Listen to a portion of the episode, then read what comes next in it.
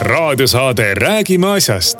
Eesti asjadest nii nagu need on, räägivad Mart ja Martin Helme ning nende huvitavad saatekülalised pühapäeviti kell üksteist. loe põnevate teemade kohta rohkem ka uudisteportaalist uueduudised.ee tere tulemast kuulama raadiosaadet Räägime asjast. me räägime asjast Tre raadios, Ring FM-is, Ruut FM-is ja Kuressaare pereraadios igal pühapäeval kell üksteist hommikul. seda saadet saab kuulata kordusena üheksa õhtul ja Kuressaare pereraadio kannab seda üle esmaspäeviti. millest me täna räägime? esiteks räägime loomulikult ülevaade Eesti äh, e-, eriolukorra esimesest nädalast sellega seoses siis piiride sulgemisest nii väljapoole riiki kui ka riigisiseselt. räägime testimisest, mis siis sellega on või kuidas ei ole. räägime sellest majanduspaketist, mille valitsus kiitis heaks sel nädalal.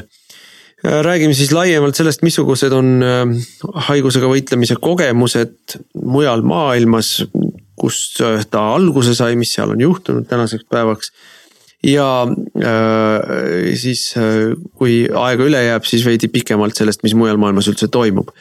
ka selle haigusega seoses. Äh, stuudios on tavalised štammid, Mart Helme ja mina olen Martin Helme ja täname, et te meid kuulate no võtame kokku siis eelmise nädala neljapäeval, nüüdseks on siis jah, natuke rohkem kui nädal see eriolukord kehtinud meil Eestis. esimese hooga inimesed ilmselt äh, ei osanud üldse olla või, või ei teadnud, mida teha. mingisugune teatav selline esmane harjumine on tekkinud. no ma võtsin välja siin statistika, et äh, kui nendes ähm, tornmajades, milles mina töötan rahandusministeeriumis, käib igapäevaselt tööl kuskil kaheksasada inimest ja siis nüüd on see langenud rohkem kui neli korda ja see number on alla kahesaja, et ikkagi ja sellestki suurem osa kõikidest teistest ministeeriumitest on täitsa tühjad, aga siis sotsiaalministeeriumis, kus on ka mis, mis, mis on, ütleme eesliinil suhteliselt praegu selles võitluses. seal on siis see sagimine ja liikumine suurem ja inimesed rohkem tööl.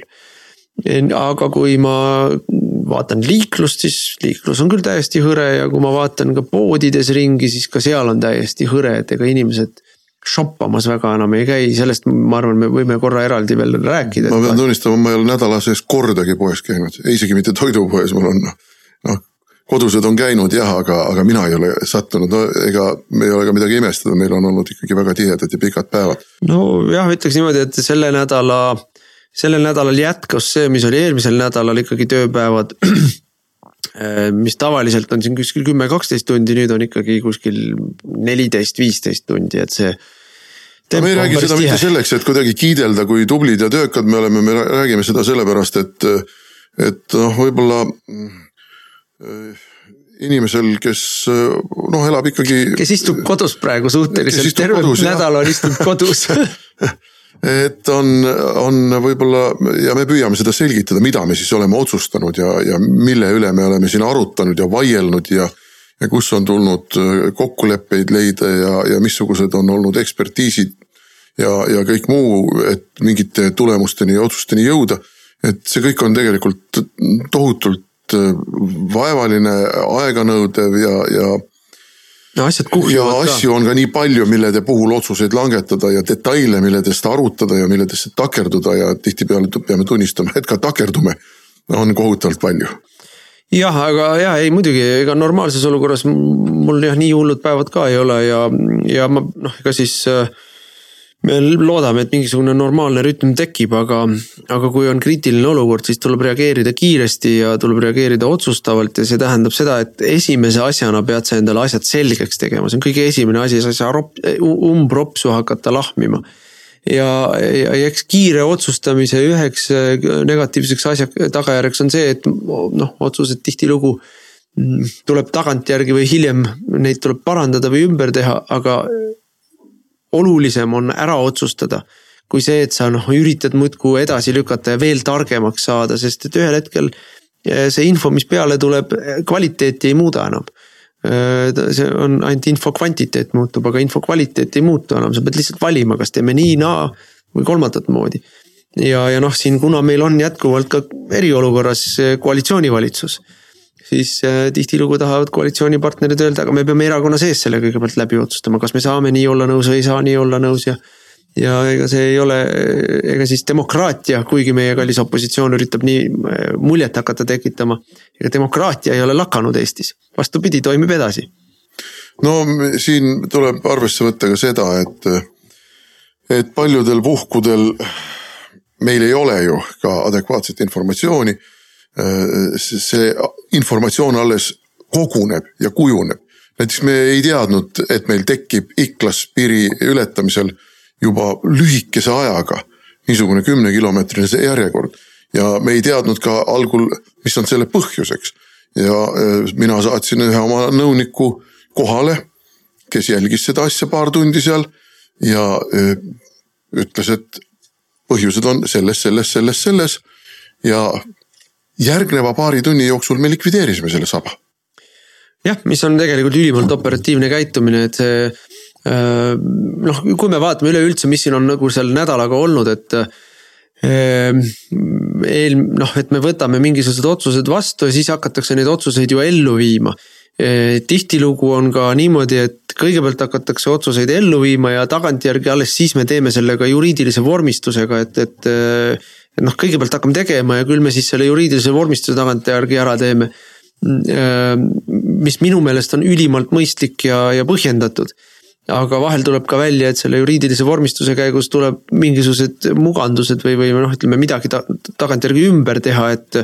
et nii ei saa või nii ei ole mõistlik. ja noh, piiride sulgemine kahtlemata on üks asi, mis eh, vabandust, siin ma juba ise lähen kaasa vale retoorikaga, tegelikult me ei ole ju piire sulgenud. me oleme piirid kontrolli alla võtnud. piirid kontrolli alla võtnud ja me oleme, eh, takistame või ei luba Eestisse sisse sõita inimestel kellel ei ole, kes ei ole Eesti alalised elanikud, noh, see on ka nüüd bürokraatlik väljend.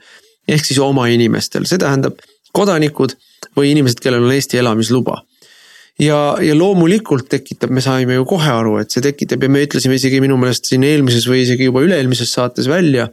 et äh, kõige suuremal määral puudutab see ju ähm, neid inimesi, kes käivad äh, Soome vahet, sest see on suur mass. no sellest ja, räägime eraldi just jah, ja, ja räägimegi, sest et see on suur mass, aga ja, ja noh, see on väga noh, individuaalsel tasandil väga rasked valikud on, mis on, eks ole. Tuli välja, me olimegi noh, eks me arvasime, et see puudutab ka lõunapiiri. et eks üle Eesti-Läti piiri toimub liikumine mitte ainult viinapoodidesse kusjuures see liikumine on praktiliselt täiesti. ja ma just tahtsin öelda, et, et saime üle. Läti valitsus muidugi nutab. ja Läti valitsus nutab, et meil oli, mul on siin sel nädalal olnud hästi mitu koosolekut seoses nende noh, erinevate majandusmeetmetega ja. Ja seda noh, missuguseid meetmeid me siis võiksime ja peaksime ja noh, minu soov on, et me majanduse elavdamiseks tooksime makse alla. eelkõige siis tarbimismakse alla, ütleme elekter Äh, gaas, äh, diisel, bensiin. Need on, need on maksud, mis jõuavad nii tootmissisendina hindadesse kui ka inimeste kodukuludena inimeste taskusse, eks ole, elektri elektri aktsiisi langetamine või gaasiaktsiisi langetamine teeb kohe sinu kuueelarve priskemaks selle läbi, et sa maksad vähem ära. diisli puhul on see, eks ole, kaupade vedu ja kõik, mis aga on üks maks, mida võiks praegu tõsta, kuhu tahame ja see on alkoholiaktsiis, sellepärast et kellelgi ei ole enam võimalik Lätti minna. no see oli muidugi nali, kui keegi aru ei saanud, aga noh. ja no me peame arvestama sellega muidugi, et äh, vältimatult järgneva kahe kuu jooksul või noh, pooleteise kuu jooksul esimese maini. mis pärast esimest maid juhtuma hakkab, me ei hakka siin ennustama, ma arvan praegu aga selle järgneva pooleteise kuu jooksul on vältimatu, et kümned tuhanded inimesed, nende sissetulek väheneb noh, see on sisuliselt äh, nii, nii loomulikult on see vältimatu. et selle... ja, ja, ja see on see majanduspakett, millest me ka räägime, millega me püüame seda šokki leevendada. jah, ja seda nii, nii, nii palju kui võimalik äh, ikkagi hoida inimeste sissetulekud alles ja hoida seda, et ettevõtted neid inimesi koondama ei hakkaks, sest et äh, kui ettevõtetel kukuvad tulud nulli siis ähm, noh, mitte, mitte lihtsalt, et nad ei tahaks enam inimesi palgal hoida, vaid ei saa. noh, sa ju võid töösuhet jätkata, aga, aga ega sul raha välja maksta ikka ei ole. no samas meie eesmärk on muidugi mitte lasta ka firmasid likvideeruda. sellepärast, et äh, kui firma jääb alles ja ta, need inimesed, kes firmas töötavad, on puhkusel, sundpuhkusel, mis iganes vormistus seal on siis see firma äh, saab sujuvalt jätkata, kui olukord muutub selliseks, et äh, taastuvad äh, uuesti kliendisuhted, hanked, tellimused, kõik muu. aga kui firma likvideerunud on ja hakata uut firmat tegema, uusi töötajaid leidma, keda tuleb võib-olla õpetama hakata, keda tuleb kuskilt leidma hakata. Noh, see on oluliselt vaevalisem. ja, no ma... ja sellisel juhul ei ole ka mingit kahtlust, et ega siis loodus tühja kohta ei salli selle niši täidavad kohe suuremate ja tugevamate riikide ettevõtted. ja no ma tahtsingi siin öelda, et kui jääb mulje, et me oleme siin liiga lahked või maru, maru lahked sellega, et me siin töötukassast äh, teeme äh, sisuliselt palkade väljamakset. Või maksuamet ütleb, et ta annab äh, intressivabastust ja võimaldab pikemat maksupuhkust, siis. siis see mõnes mõttes on väga pragmaatiline. kui inimesed ära koondatakse, siis see on kulu töötukassale igal juhul ja ta on pikema perioodi peale suurem kulu, kui on see, mis me praegu tegime see, see seitsekümmend protsenti. kui firmad lähevad, kõigepealt jäävad maksuametile maksud võlgu ja siis lähevad pankrotti, siis ega seda maksuraha ei saa kätte riik nagunii, paberi peal ta võib isegi veel saada, aga mitte kunagi päriselt. ehk siis teisisõnu noh, küsimus on kogu praeguse majanduspaketi puhul, kuhu ma tuleksin natukese aja pärast rohkem tagasi, aga ja küsimus on kahjude limiteerimisest, küsimus selles, et kahju on nagunii majandusel olemas ja, ja inimestel ja ettevõtetel.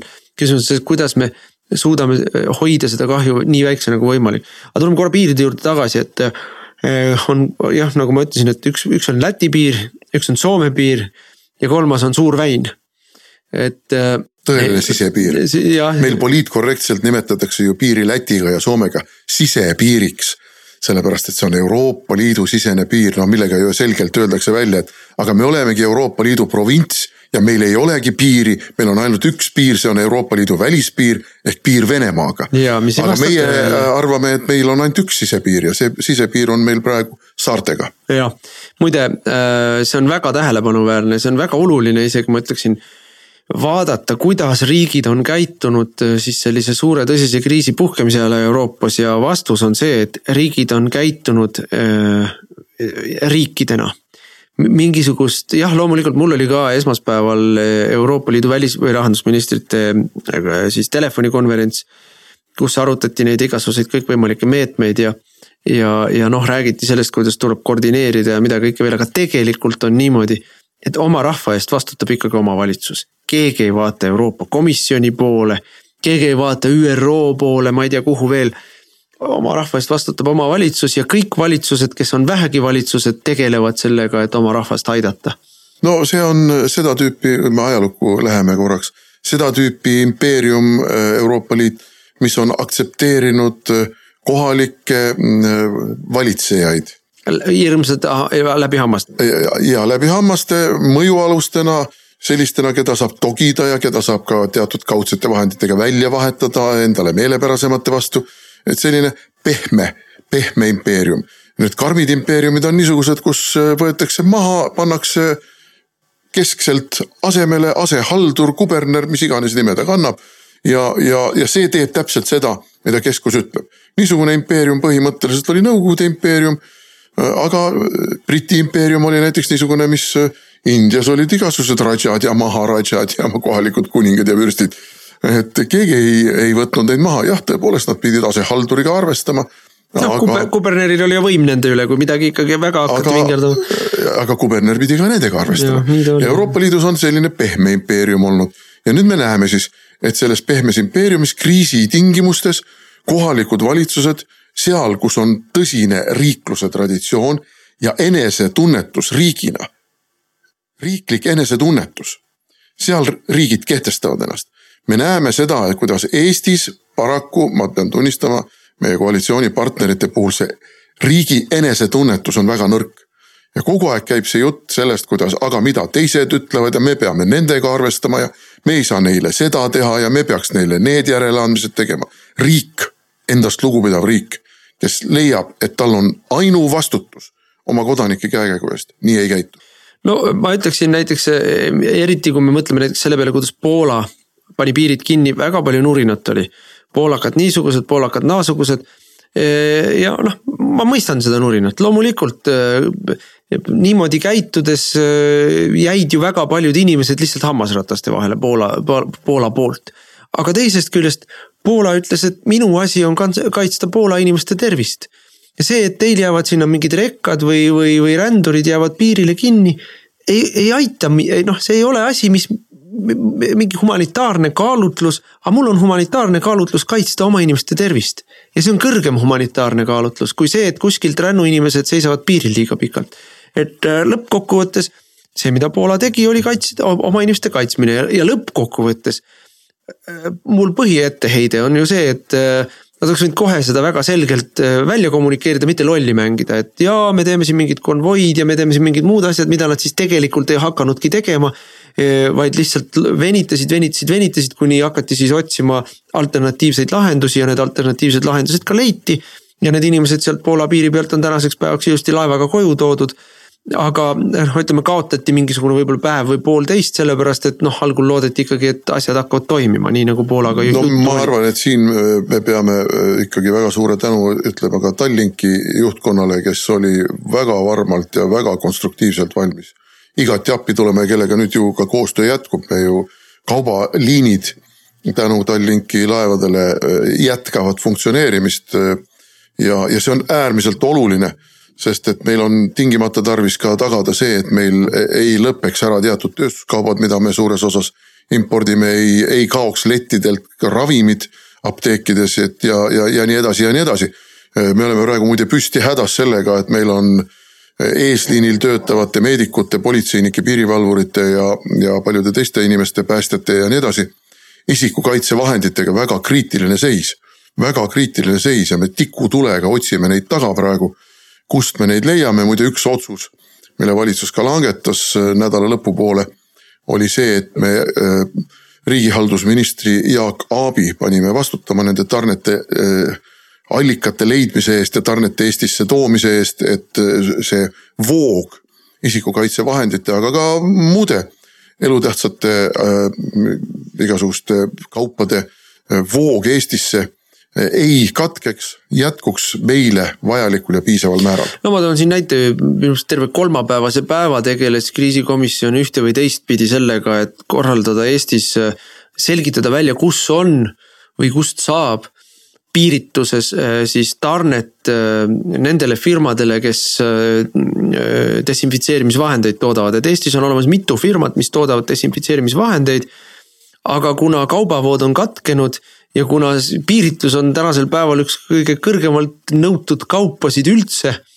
hind hüppas üleöö põhimõtteliselt kolmekordseks noh, ja siis piiritustehased, kes tavalise tarnena on, on neid mingisuguseid koguseid andnud nendele desinfitseerimisfirmadele kogused kasvasid aga hinnapakkumised tulid mujalt veel suuremad ja nii jooksis kogu süsteem kokku ja siin oli ikkagi vaja põhimõtteliselt kõige kõrgema taseme sekkumist. et, ähm, et tagada seda, et meie oma desinfitseerimisvahendite tootmine ja tarnimine, no mitte ainult, mitte ainult haiglatele, vaid ka kõikidele asutustele. noh, kes, kes tänasel päeval tahavad neid saada, et see toimiks ja, ja noh võib muidugi küsida, et kas meil on mõistlik või kas see on õige, et, et, et kriisikomisjon tegeleb sellisel mikrotasandil manageerimisega. aga teisest küljest, kui, kui alternatiiv on see, et nädal aega midagi ei toimu. senikaua, kuni see tavapärane bürokraatlik protsess lihtsalt vaikselt kerib, siis parem on tegeleda sellel kõrgel tasemel selliste asjadega, nii et noh, aga need asjad võtavad kõik aega ja energiat, et noh, see selle peale kulub kah. aga noh ja, ja, ja siin on küsimus ju ka selles, et vahepeal ongi kõige kõrgemat tasemet vaja selle jaoks, et valdkondade üleselt asi toimiks, et ühes liinis toimib, teises liinis kõrval ei toimi. noh, me tuleme siin kindlasti selle terviseameti jutu juurde oma järgmise teemaga, mis on siis räägib testimisest, et et noh, neil aega on, issandal päevi on no,, see on hämmastav. see on see, mida nad raporteerisid meile jaanuaris, nad käisid jaanuaris raporteerimas valitsusele, et nad on kõigeks valmistunud, kõigeks on olemas, kõik ettevalmistused on tehtud. et meie, meie ei karda, äh, viirust meie ei karda. no ja siis tuleb välja, et tegelikult ei ole mitte midagi, ei ole maske, ei ole kindaid, ei ole desovahendeid. ei ole hingamisaparaate piisavalt palju ei ole testimis, testimis neid äh, teste piisavalt palju, mitte midagi ei ole. rääkimata sellest, et valmisolekut äh, piiridel saata välja meditsiinipersonali, et seal kontrolli kehtestada, seda nad ei tahtnud algusest saadik teha ja kuni lõpuni ei tulnudki kaasa ei noh, eks siin on no, äri, äritüüpidega on selge see, et, et eriolukorra komisjonil, eriolukorra juhil on õigus kehtestada hindade lagesid ja, ja vajaduse korral ka konfiskeerida. see oli üks põhjus, miks me üldse eriolukorra kehtestasime, et sellised spekulatsioonid, sellised sigatsemised me lõpetame lihtsalt ära. kui ei saa inimese moodi asju ajada, ei saa aru, et riik ja rahvas on hädas ja hakatakse selle pealt kasumit lõikama nagu mingi turuspekulant siis peab siin selgelt riik oma rusika laua peale panema. ja sest meil on olemas, me teadsime, mis on hind eelmisel nädalal et noh, me loomulikult ei taha täielikult turumajandust likvideerida ja kehtestada siin mingisugust käsu ja keskse jagamise majandust.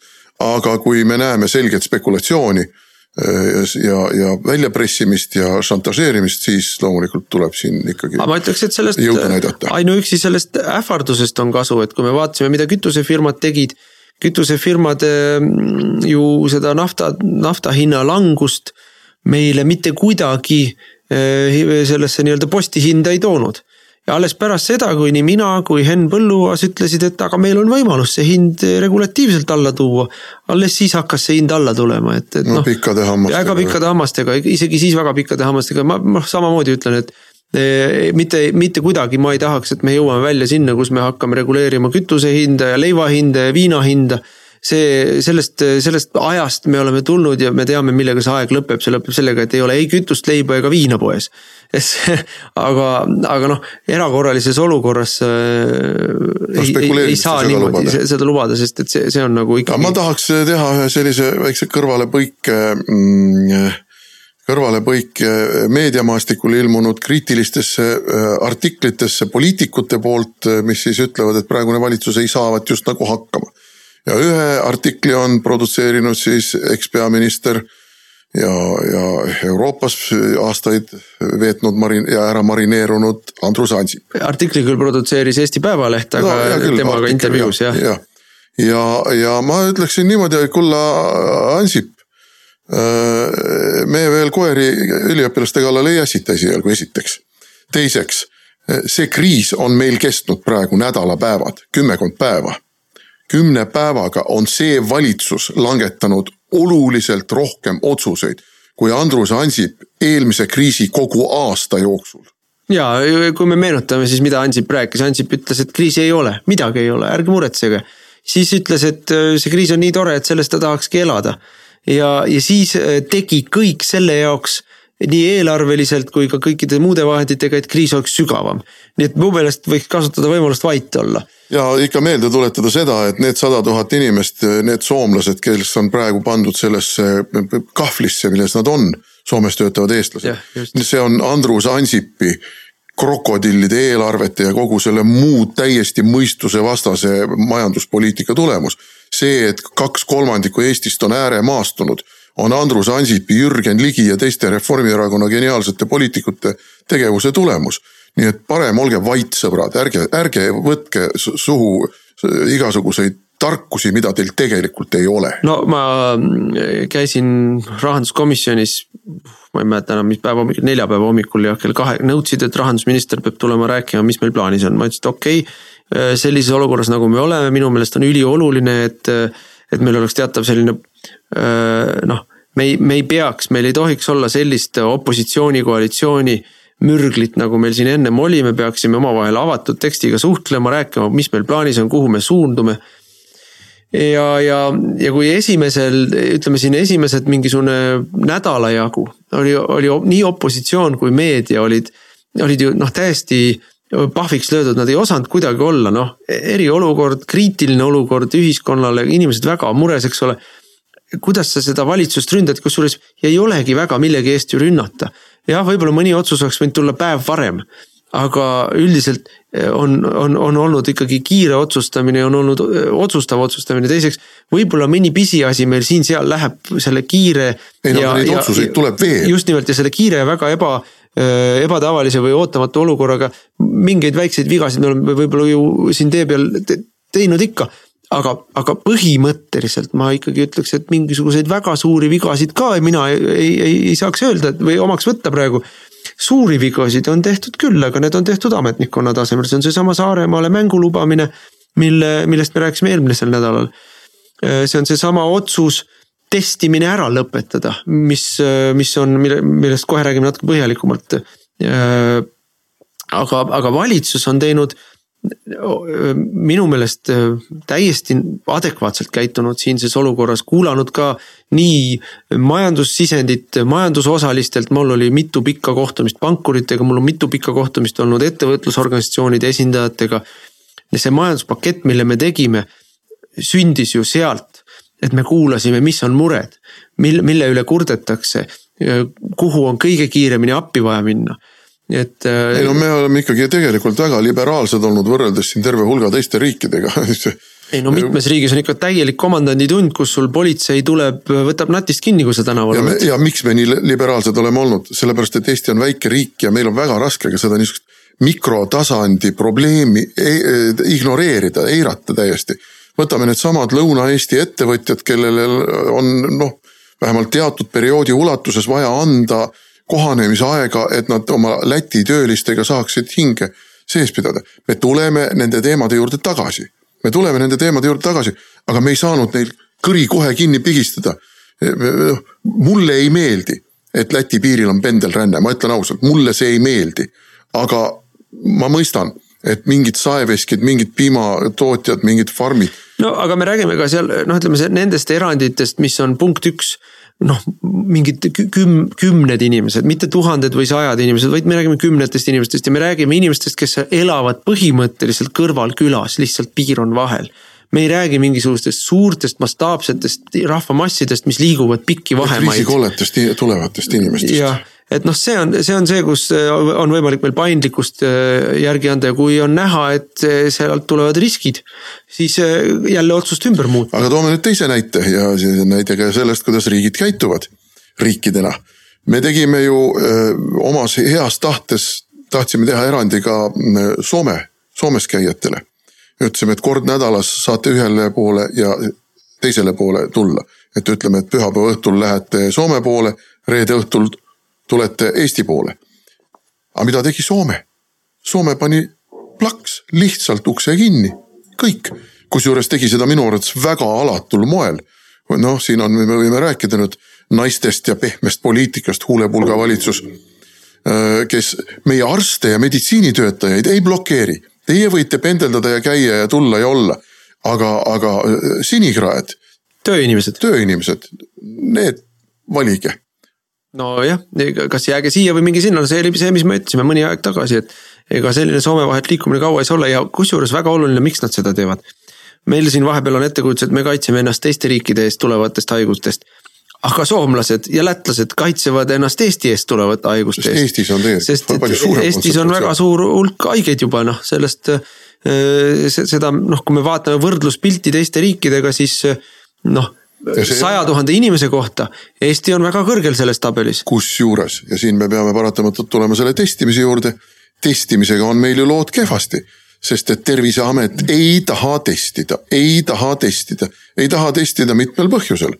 üks põhjus on see, et paratamatult tuleb siis viiruse tuvastamisi üha rohkem ja rohkem ja teine põhjus on see, et terviseamet vaatamata kõikidele reibastele raportitele ei olnud valmis nii suureks hulgaks testideks. lihtsalt testimaterjali ei ole ja nüüd ei julgeta seda ka avalikkusele öelda. sõbrad, meil ei ole testimaterjali piisavalt, me ei saa igaühte testida. ja see, seda varjatakse siis mingite eufemismidega riskigruppidest ja, ja mingitest äh, nähtustest, mingitest äh, et peab olema, peab vastama nendele ja nendele mingisugustele tingimustele. noh, noh ühesõnaga lihtsalt lollitatakse. raadiosaade Räägime asjast. Eesti asjadest nii nagu need on, räägivad Mart ja Martin Helme ning nende huvitavad saatekülalised pühapäeviti kell üksteist. loe põnevate teemade kohta rohkem ka uudisteportaalist uueduudised.ee ja nüüd jätkame saadet, äh, meil jäi jutt pooleli testimisest, et see testimine on tekitanud väga ägedat pahameelt ja mitte, ma pean ütlema, mitte ainult inimestes, vaid ka valitsuses. meil on äh, nädal aega järjest on äh, toimunud mingisugune kummaline, ma ei tea, mingi kummaline kukepoks terviseameti ja valitsuse vahel, esmaspäeval otsustas valitsus, et kõik, kellel on sümptomid, peavad saama testida laiendage testimist. Järg, järgmisel päeval lähevad terviseameti inimesed meediasse ja ütlevad, et me nüüd vähendame testimist või lõpetame üldse sellisel kujul ära, no kutsusime nad uuesti kohale, et mis värk on. et miks te niisugust juttu räägite, te saite siit ju, e-, ju eile korralduse, käsu. no siis hakati mingisugust täielikku uinamuina juttu rääkima ja noh, pitsitamise peale ikkagi tuli välja, et neil on testid otsakorral et noh, see suur ettevalmistus tähendas seda, et nad olid ostnud väikse portsu, et noh, ma ei tea, mille ja missuguse arvestusega. Neil on testid otsakorral, no siis sai vastu võetud otsus, et tuleb juurde tellida, paneme raha sinna juurde, kõike saame teha, aga palun laiendage testimist, sellepärast et inimestel on vaja teada, mitte ainult inimestel ei ole vaja teada, vaid valitsusel on vaja teada, et teha juhtimisotsuseid, peab meil pilt ees olema. kus on, kui palju on, kes aga on. inimestel on vaja teada ja, ja, ja nendel inimestel, kes nende inimestega koos töötavad kes köhivad, nohutavad, kellel on kurk kibe või ma ei tea, mis, mis Palavik, sümptomid no. seal on, palavikud, eks ole. Et kui ütleme, Mari täna köhis ja oli väga kahtlane, kas tal ei võiks olla see koroonaviirus siis äh, me ütleksime talle, et kuule, Mari, et pärast tööd mine sealt kuskilt telgist või, või kohast läbi, lase test teha, jää homme koju, homme saame vastuse. kui sul on koroona, siis me teame, et me läheme kõik testima, sest äkki me oleme saanud ka sinult selle viiruse. aga kui sul ei ole, siis istu kaks-kolm päeva kodus ja ravi ennast välja joo, joo meega piima ja pane hanerasva ja viinasokid ja, ja tule tagasi tööle ja me teame, et meil ei ole seda muret, et me oleme siin kõik kollektiivselt nakatunud. nii, aga seda võimalust ei ole ja püütakse meile selgeks teha, et, et ei ole tarvis ja meil ei ole mõtet ja terveid inimesi pole ammugi mõtet ja nii edasi ja nii edasi. ühesõnaga käib mingisugune varjupoks. ja nüüd tehti suure-suure nõudmise ja pressimise peale, siis suurendati nädala sees, ütleme seal sajast testist päeval kusagil kolme-neljasaja testi peale päevas. aga seda võetakse sisuliselt ainult arstidelt ja õdedelt ja politseinikelt. ja mingitelt e, kaheksakümne aastast. ja kaheksakümne vanadekodust, ehk siis äh, kuigi kogust suurendati siis äh, tänu sellele, et see hoitakse nagu väga kontrollitud grupis, siis selle, selle tagajärjel me saame järjest alanevad numbrid äh, uusi nakatumisi. aga ikkagi saame. aga saame ikkagi hea küll, selle tähendab. mis tähendab seda, et viirus on tegelikult palju laiemalt levinud, kui see just nagu tunduks pealtnäha loogiline. et me ikkagi oleme arvanud, et noh, meil on paar kollet siin Võru ja, ja Saaremaa ja, ja noh no, tänu, tänu reisijatele ka Tallinn aga eh, nüüd tuleb välja, et tegelikult on ta üle Eesti, meil ei ole ühtegi puhast maakonda. veel reede hommikul oli puhas maakond Läänemaa, reede õhtuks enam ei olnud. no vot ja eh, noh, kõige suurem probleem on selles, et eh, need inimesed, kes ongi haiged, kellel on just nimelt need kõik need tunnused, köha, nohu, palavik, liigesevalu, peavalu et neile tegelikult ei anta seda testimisvõimalust, mis tähendab seda, et võib-olla on gripp võib-olla on tavaline külmetus, sest gripp ka ei ole tavaline külmetus, võib-olla on tont teab mis. aga me ei saagi teada ja, ja, ja noh, põhimõtteliselt ikka jalgu trampides, ähvardades, nõudes ja veendes jõudsime me siis lõpuks selleni välja, et noh, lõputu vaidlus käis alluvatega. valitsus ütleb, et tehke palun esimene vastus oli, et ei tee ja ei saa teha, siis järgmisena tuli, et okei okay,, teeme, aga teeme järgmine nädal kui see, seda öeldi, et see ka ei kõlba, siis öeldi okei okay,, teeme ja, ja pannakse ikka kohutav takistusriba sinna vahele, ühesõnaga see on, see on noh kui mina ausalt ütlen, siis noh, oleks minu otsus, kahjuks ei ole minu otsus, aga, aga ausalt öeldes ühel hetkel me peame neid asju hakkama ikkagi ka kuidagi lahendama. ei ole võimalik e, töötada alluvatega, kes arvavad, et nad ei ole alluvad. see ei ole võimalik, sellised alluvad tuleb välja vahetada ja, ja noh, minu jaoks oleks vastuvõetamatu, et sulle kolm korda järjest antakse tööülesanne ja see jääb täitmata. minu jaoks on see täiesti vastuvõetamatu, minul sellist bardakki ei ole siin ministeeriumis.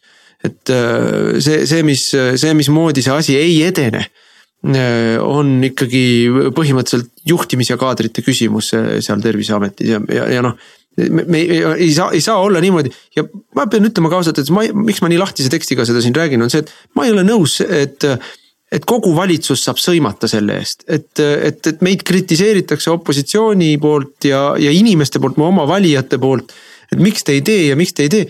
ja, ja siis on, põhjus on selles, et meil on kuskil mingid ametnikud, kes tulevad valitsusse, panevad käed puusse, ütlevad, aga me arvame et see, mis te otsustasite, ei ole mõistlik ja me ei täida seda. Sest et noh, see on nagu äh, pilt päris elust.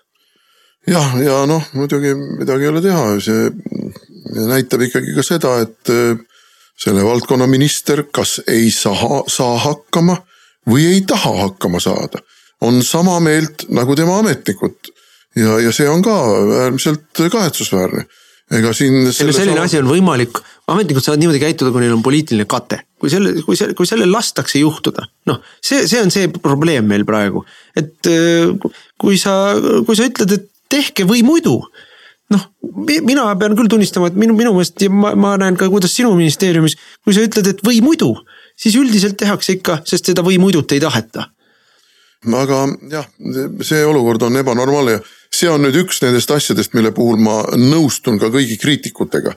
Et see asi on ebanormaalne, see asi ei tohiks nii olla ja inimesed, kellel on mure, peaksid oma murele saama vastuse ja lahenduse aga praegu paraku.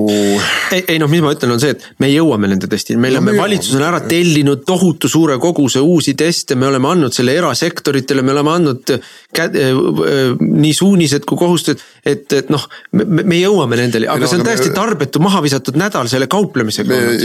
me kaupleme ja survestame neid tüüpe veel ka järgmisel nädalal, ma võin mürki selle peale võtta raadiosaade Räägime asjast. Eesti asjadest nii nagu need on, räägivad Mart ja Martin Helme ning nende huvitavad saatekülalised pühapäeviti kell üksteist.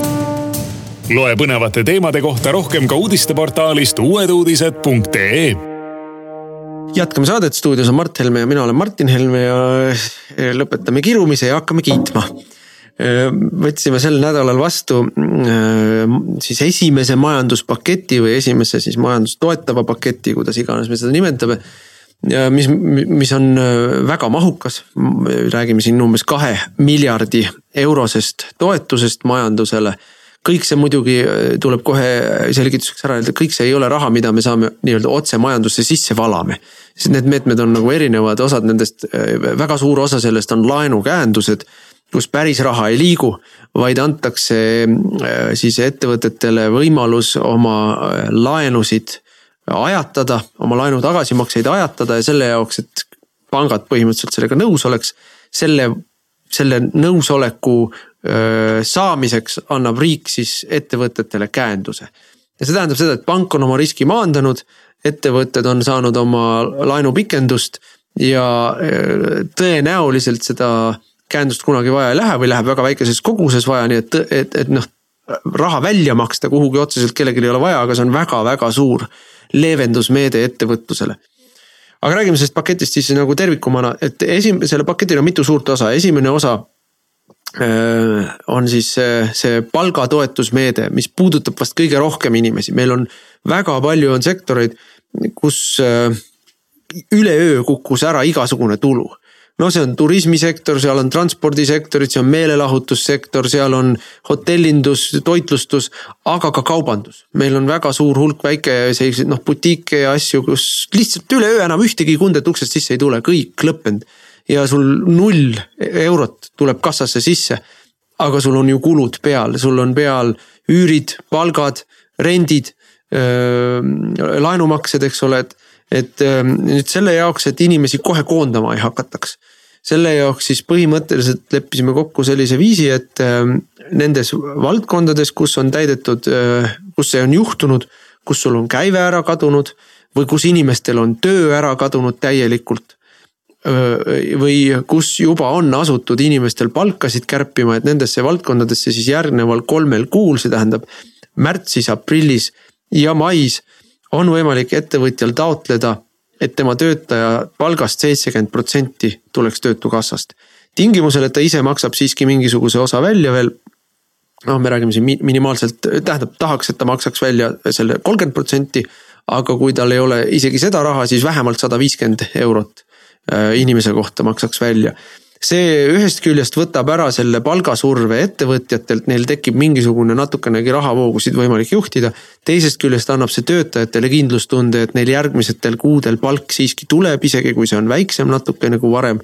aga palk siiski tuleb ja, ja see annab nagu võimaluse kõigile kuidagigi kohaneda selle uue olukorraga no ma vaatasin, mis oli vist neljapäeva õhtul, kui Jüri Ratas oli Esimeses stuudios, kus Mirko Ojakivi teda väga õelalt ja, ja kuidagi ilkuvalt ja mõnitavalt püüdis süüdistavalt esitas talle küsimusi sellesama majanduspaketi kohta ja umbes niimoodi. et aga kust see raha ikka tuleb ja, ja kas riigil seda raha on ja. ja, ja riigil on see raha ja, ja riik saab seda raha kasutades muide suure osa sellest rahast ka tagasi sest see raha läheb majandusse, see raha tuleb maksudena tagasi ja see äh, tähendab seda, et äh, ühel hetkel ei ole me mitte selles olukorras, kus me tohutut töötute armeed mingi töötu abirahaga peame üleval pidama, vaid me oleme inimesed hoidnud äh, nii-öelda riiulile panduna. Nad võivad iga minut tööle tagasi minna, firma on alles, töökoht on alles ja ta saab tegevust jätkata ja see on hoopis midagi muud kui see, kui me laiutaksime käsi ja lihtsalt töötukassa raha, mida on päris, päris ilus summa. Äh, töötu abirahana laiali jagaksime pisikeste summakeste kaupa. samal ajal lastes sisuliselt ettevõtlussektori suures osas kokku varistada. no ma ütlen veel kord, et koondamine on nii ettevõtjale kui töötukassale kallim kui selle seitsmekümne protsendi maksmine kahe kuu jooksul. et see on täiesti ühene arvutus ja nüüd on muidugi äh, äh, oluline ka see, et need firmad nii-öelda see infra, noh, ütleme see infrastruktuur jääb järele, et see firma koos oma ärikontaktidega, koos oma sisse töötatud turuga jääb alles.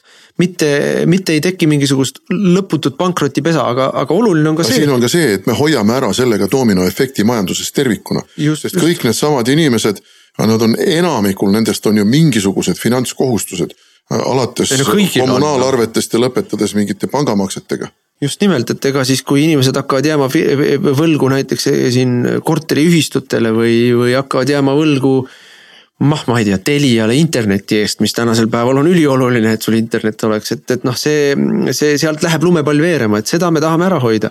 nüüd eh, teine siis, eh, mis puudutab otseselt inimesi, on nüüd see, et ja see on nüüd ka rahvatervisega seotud, et me tahame, et inimesed ei läheks haigena tööle. aga väga paljudele inimestele see esimesed kolm päeva tasustamatuna kodus istumine on valus löök sissetuleku pihta. ja me maksame selle kolm esimest päeva kinni, kellel on haigusleht, sellel ei ole ühtegi tasustamata tööpäeva. nüüd see ülejäänud süsteem töötab ikka nii, nagu on, et esimese nädala maksab seal töö, tööandja ja järgmise maksab siis haigekassa juba. aga, aga ka selle, ka see on ikkagi arvestatav tugi inimestele, oluline tugi inimestele ja siis on muidugi siis see suur KredExi ja, ja Maaelu Arendamise Sihtasutuse meede, kus me siis käendame laenusid. aga anname ka äh, käibelaenusid ja käibekrediite, päris raha nii-öelda välja, otse välja. ja anname ka investeerimislaenusid, sest et äh, kogu selle olukorra juures, mis meil praegu on, on ikkagi väga äh, palju ka ärivõimalusi.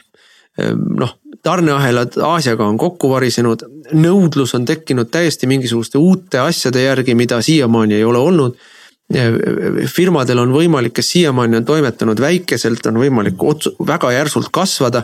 Aga kasvamise jaoks on ju vaja raha sisse panna, sa pead oma võimsusi suurendama uutel toodetel, uutel teenustel on võimalik tulla turule, sest et noh, selge on see, et. Selle... siin on nüüd üks moment, millele ma juhiks tähelepanu, see, mis on meie programmis, toetame rahvuslikku majandust kriis annab meile võimaluse toetada rahvuslikku majandust. nii naljakas, kui see ka ei tundu, aga täpselt nii see on. ei no mõtleme selle peale mm,. me tegime toidu ohut-, või tähendab siis toidu ähm, saadavusest tegime kokkuvõtte. No üleüldine sõnum on väga lihtne, ärge muretsege. Eestis ei ole mingit ohtu, et toitu äh, ei ole saada. meil on, me toidame väga, väga olulised äh, siis need põhitoiduaineid, me toidame noh, oluliselt rohkem, kui me ise ära tarbime, Eesti on eksportiv riik, no näiteks kalatoodet me toidame viis korda rohkem, kui me ise ära sööme. seda hoolimata sellest, et listeeria paanika käigus pandi meil kinni terve hulk kalafirmasid, kala, noh, ütleme siis jah, kalatootjaid eksootilised puuviljad tõenäoliselt. ja no nendega läheb võib keeruliseks minna, trend, hipsterite trendikaup avokaado aga, aga noh, ei nii kala, veiseliha on üle sealiha on natuke alla oma võimsuse, aga seda võimsust saab üsna kiiresti suurendada. Äh, linnuliha on natuke alla oma võimsusega, aga siin on väga kiiresti, see tsükkel on väga kiire, siin on võimsust võimalik kiiresti suurendada. Ehm, noh, viljas, viljas me oleme ju ka selgelt eksportiv riik, kartulis me oleme selgelt eksportiv riik, nii et noh, siin on nagu need põhiasjad. kõik on olemas ja, ja, ja, ja see tootmine kindlasti, aga mis on probleem pangad ei anna põllumajand-, põllumajandustootjatele enam kevadkülvi laenu, ei anna enam laenu näiteks kütusesood-, sest et noh, pangad on tõmmanud kõik laenamisega. selle vastu meil ongi see KredExi meede, meil on MES-i meede, et me saame sealt anda kas otselaenu välja või anda käenduse. et pank annaks laenu, et oleks noh, lollikindel laen. et, et seda me tagame ja muidugi ka siis seda, et ähm, maksuamet praegu ei võta võlgajäämise pealt intressi, maksuamet saab teha pikemat tagasimaksegraafikut, neid kõiki asju me teeme, et see on see esmane pakett meil on tulemas ka teine pakett ja see teine pakett on siis juba natuke pikema vinnaga asjad nagu suured investeeringud. me soovime ka maksusoodustusi teha, aga nendel läbi aru-, ainult selle esmase paketigi läbi arutamine ja läbi arvutamine. ja nende igasuguste reeglite paika saamine, noh, see oli, see oli, see on väga mahukas töö, me teeme siin mingisugust tavapärases tempos siukseid asju tehakse kuude kaupa et äh, tuleme juurde nende maksuasjade juurde ja, ja ka investeeringute juurde nüüd järgnevatel päevadel ja nädalatel. no praegu on meil viis aastat nelja aastaga, nii et. no see on selge aga ma tahan öelda veel ühe asja, et äh, siin on noh, on sektoreid olnud, mis on ju väga ilusti toiminud, nagu näiteks on äh, siin firmasid, kellel on suured kasvuhooned, kes kasvatavad lilli ma arvan, et lille kasvatamisega teil äh, eelseisval hooajal erilist lööki ei ole küll võib teil aga lööki olla, kui te need kasvuhooned ära kasutate näiteks äh, mingite tomatite, kurkide, salatite ja muude niisuguste asjade kasvatamiseks. sest äh, köögiviljade osas Eesti omavarustatus praegu on ainult nelikümmend viis protsenti. ehk siis poole võrra võiks rohkem, eeldusel muidugi, et meil ei tule enam Hollandi tomatit ja et meil ei tule enam Poola kaupa nii palju ja tõenäoliselt nii palju vähemalt ka ei tule no ainuüksi see, et tal on piirist palju raskem üle saada, ajab selle hinna kallimaks ja, ja tarne raskemaks. aga tahtsin ühe asja veel öelda, et siin on käinud nädala sees läbi äh, noh, sellised mingisugused kumud, no esmaspäeval oli meil üldse vist mingi paanikapäev. küll räägiti alkoholimüügi piirangutest ja küll räägiti mingitest muudest asjadest. täiesti selgelt on näha, kuidas äh, mingid pahatahtlikud jõud levitavad paanikakuulujutte. ma, sina tead võib-olla paremini no need allikad on kõik tuvastatud jah. jah, et kust need tulevad, aga noh, täiesti selgelt. aga siis vahepeal läks lappama jutt sellest, kuidas ähm, on mingisugune, ma täpselt isegi ei saanud aru, mis see põhjus oli. niimoodi, nii nagu Eesti maine kahjustamine välismaal pärines meie opositsioonipoliitikutelt, nii ka need kuulujutud ja infooperatsioonid Eesti kinnipanemisest ja komandanditundi kehtestamisest ja kõik muu pärineb meie opositsioonipoliitikutelt no vot ja üks äh, kumu, mis läks käibele kuidagi oli see, et sularaha ei ole enam või sularaha ei saa enam. see absoluutselt ei vasta tõele, see absoluutselt ei vasta tõele, äh, ka siin ma lasin teha nii-öelda kriisi ülevaate kuidas siis sularaha äh, kättesaadavus on tagatud, kuidas on pankade kontorites, pankade sularahaautomaatides, siis keskpangas. kõik, keskpank põhimõtteliselt tagab meil seda sularaha liikumist et ähm, äh, jah, sularaha väljavõtmine nädala, eelmise nädala lõpul kasvas kusagil kakskümmend, kolmkümmend protsenti tavapärasest. mitte kusagil ei tekkinud ühtegi tõrget, et ei saaks kätte sularaha. ja mina ütlen, et see on väga mõistlik väike sularaha kogus peaks igal inimesel kodus olema igal juhul. Äh, nii nagu igal inimesel peaks kodus olema ka väike toiduvaru, noh nädala jagu või midagi taolist, et see on väga mõistlik. aga mingiks paanikaks kindlasti põhjust ei ole.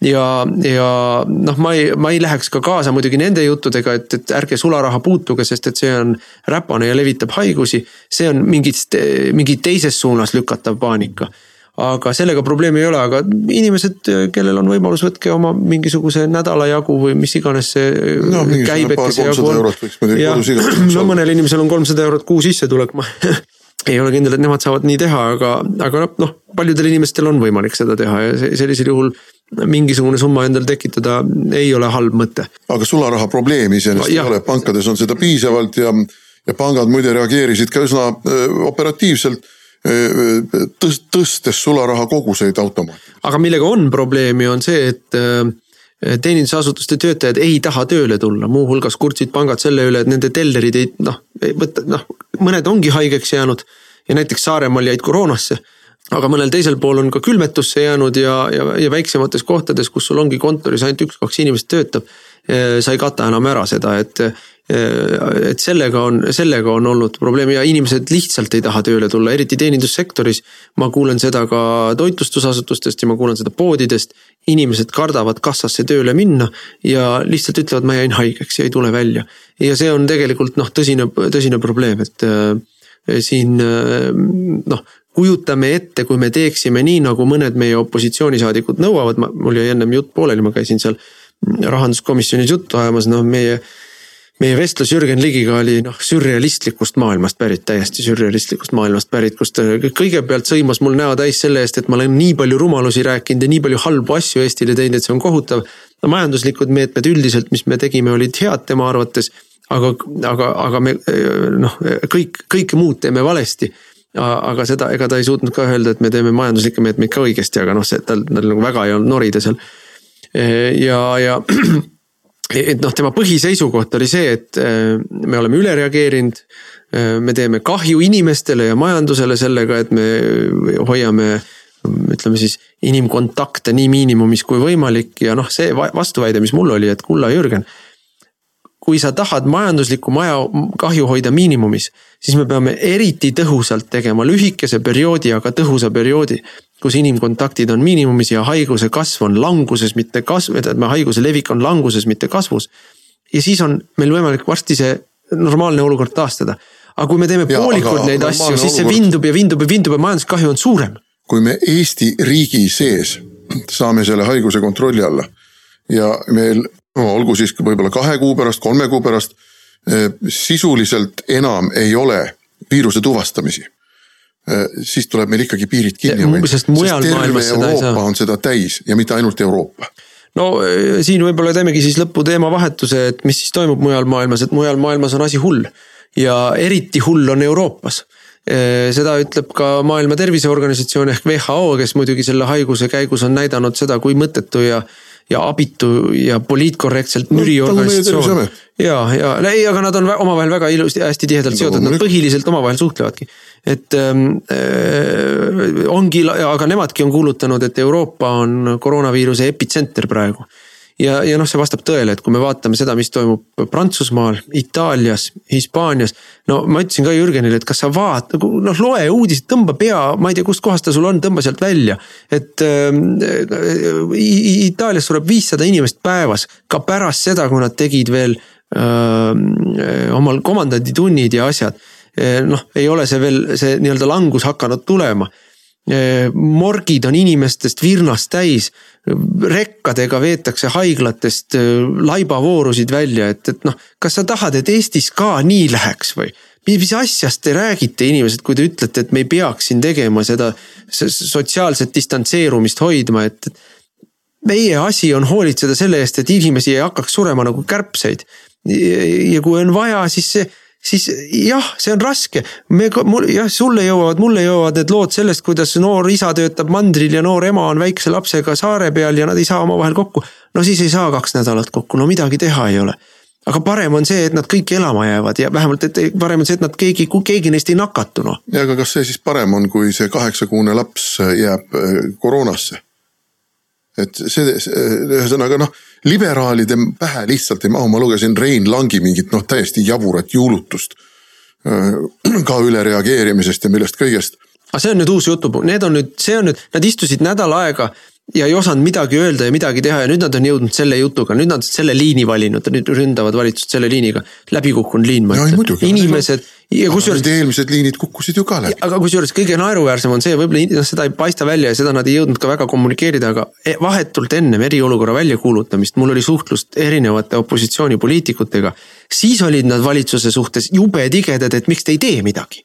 Läks nädal mööda ja nüüd nad sõimavad valitsuselt, miks te tegite seda et noh, see näitab, milline kahepalgelisus siin no, on. siin on äh, muidugi väga irooniline neile öelda seda, et isegi kui me midagi ei teeks, siis ülejäänud maailm meie ümber teeb ja me jääksime isoleeritud saareks niikuinii. Soome paneb kinni. Läti, Läti pani kinni, kinni, Leedu paneb kinni, Poola paneb kinni Venemaa paneb kinni, on ainult aja küsimus, millal ka Rootsi kinni paneb. ja no ikka, aga ma kusjuures ütlen ka ja inimesed ise Eesti sees panevad kinni, on pannud kinni restoranid, poed, klubid, pubid, on pandud kinni inimesed ise panevad kinni see, meil muidugi on terve hunnik inimesi, kelle meelest see kõik on mingisugune halb nali ja kes kuidagi protestivad selle vastu.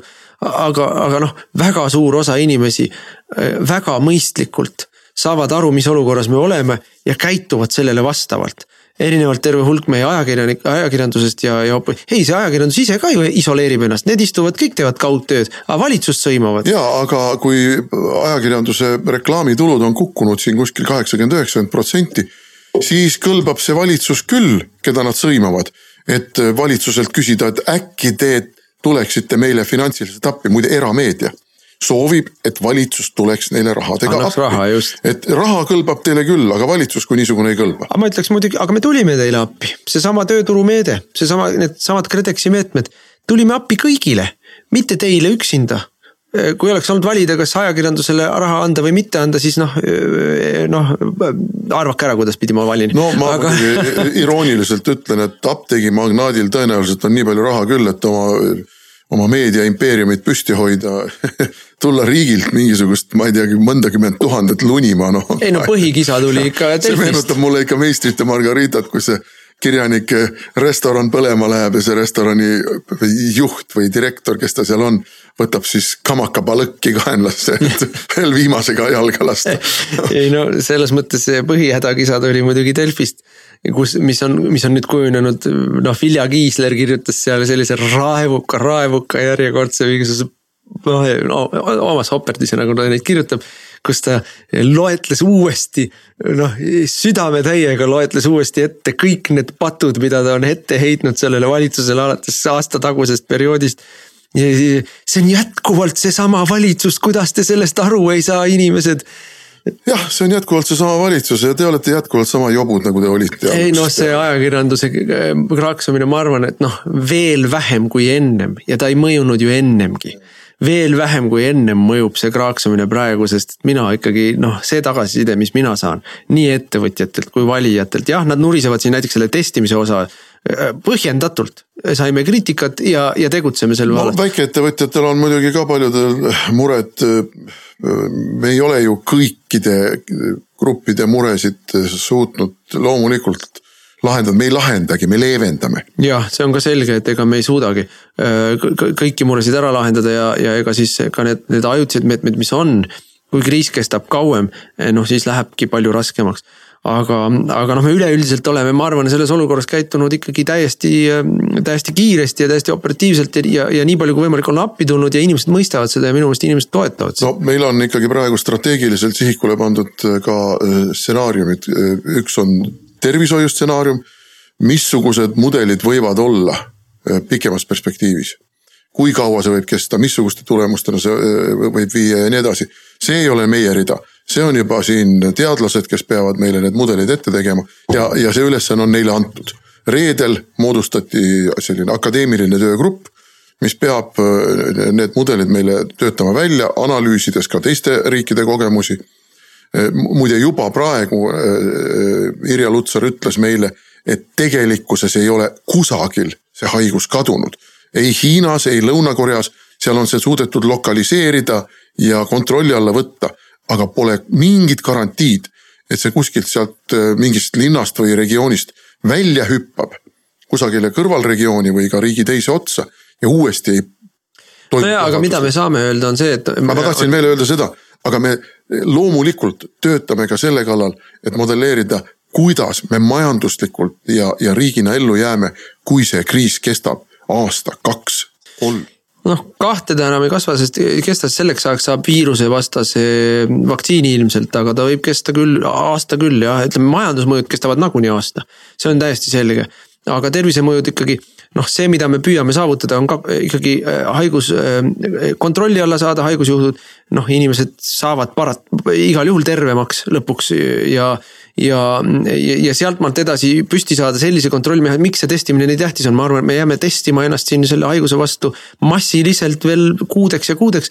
ehk et kui kusagil siis uuesti välja hüppab mingisugunegi äh, äh, haige, siis me oleme võimelised kohe ta lokaliseerima, selle piirkonna lokaliseerima. ja, ja temaga kontaktis olnud inimesed selgitama välja niimoodi, et me ei pea tervet ülejäänud riiki, tervet ülejäänud ma majandust siis hakkama kinni panema, et, et see on see, kuhu me välja peaks jõudma lõpuks.